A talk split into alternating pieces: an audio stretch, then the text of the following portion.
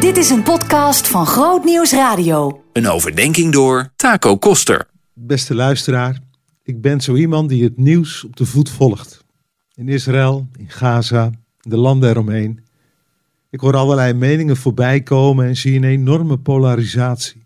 Ook hier in Nederland, ook in kerken.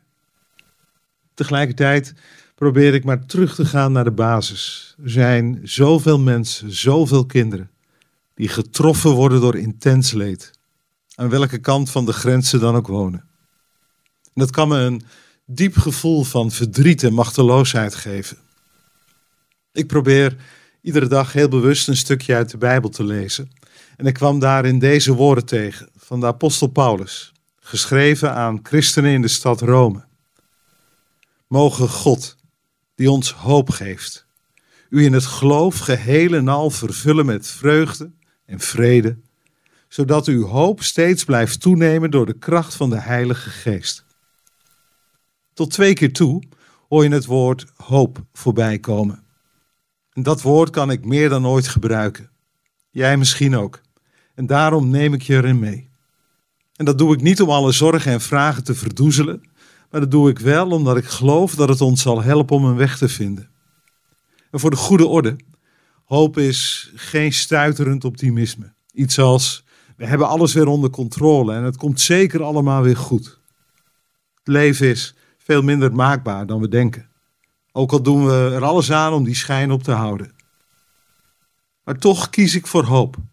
Hoop richt zich namelijk niet op de omstandigheden. Hoop richt zich niet op mensen die het voor jou moeten fixen. Hoop richt zich op God. Ik moest denken aan woorden van Desmond Tutu. Hij zegt: Goedheid is sterker dan slechtheid. Liefde is sterker dan haat. Licht is sterker dan duister. Leven is sterker dan dood. Hoopvol zijn wij sinds God ons lief had. Dat is het. Hoop is verbonden aan God. Hij is meer, groter, liefdevoller dan wij beseffen. En in Hem vinden we diepe hoop voor deze wereld. Een houvast dat alles overtreft. Op de bodem van welke put dan ook kom ik steeds weer Zijn genade en liefde op het spoor.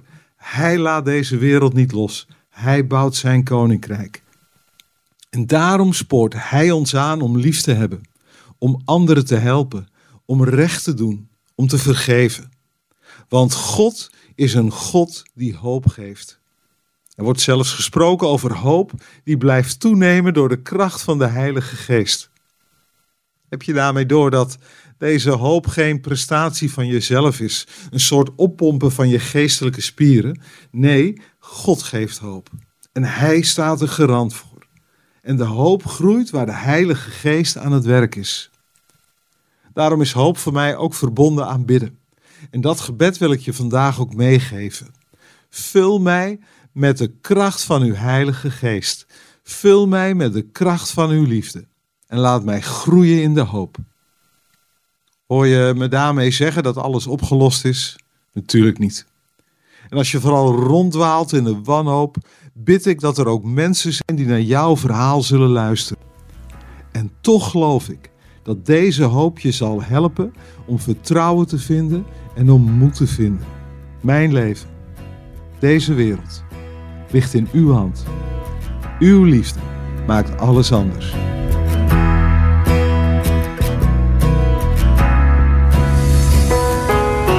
Meer verdieping? grootnieuwsradio.nl slash podcast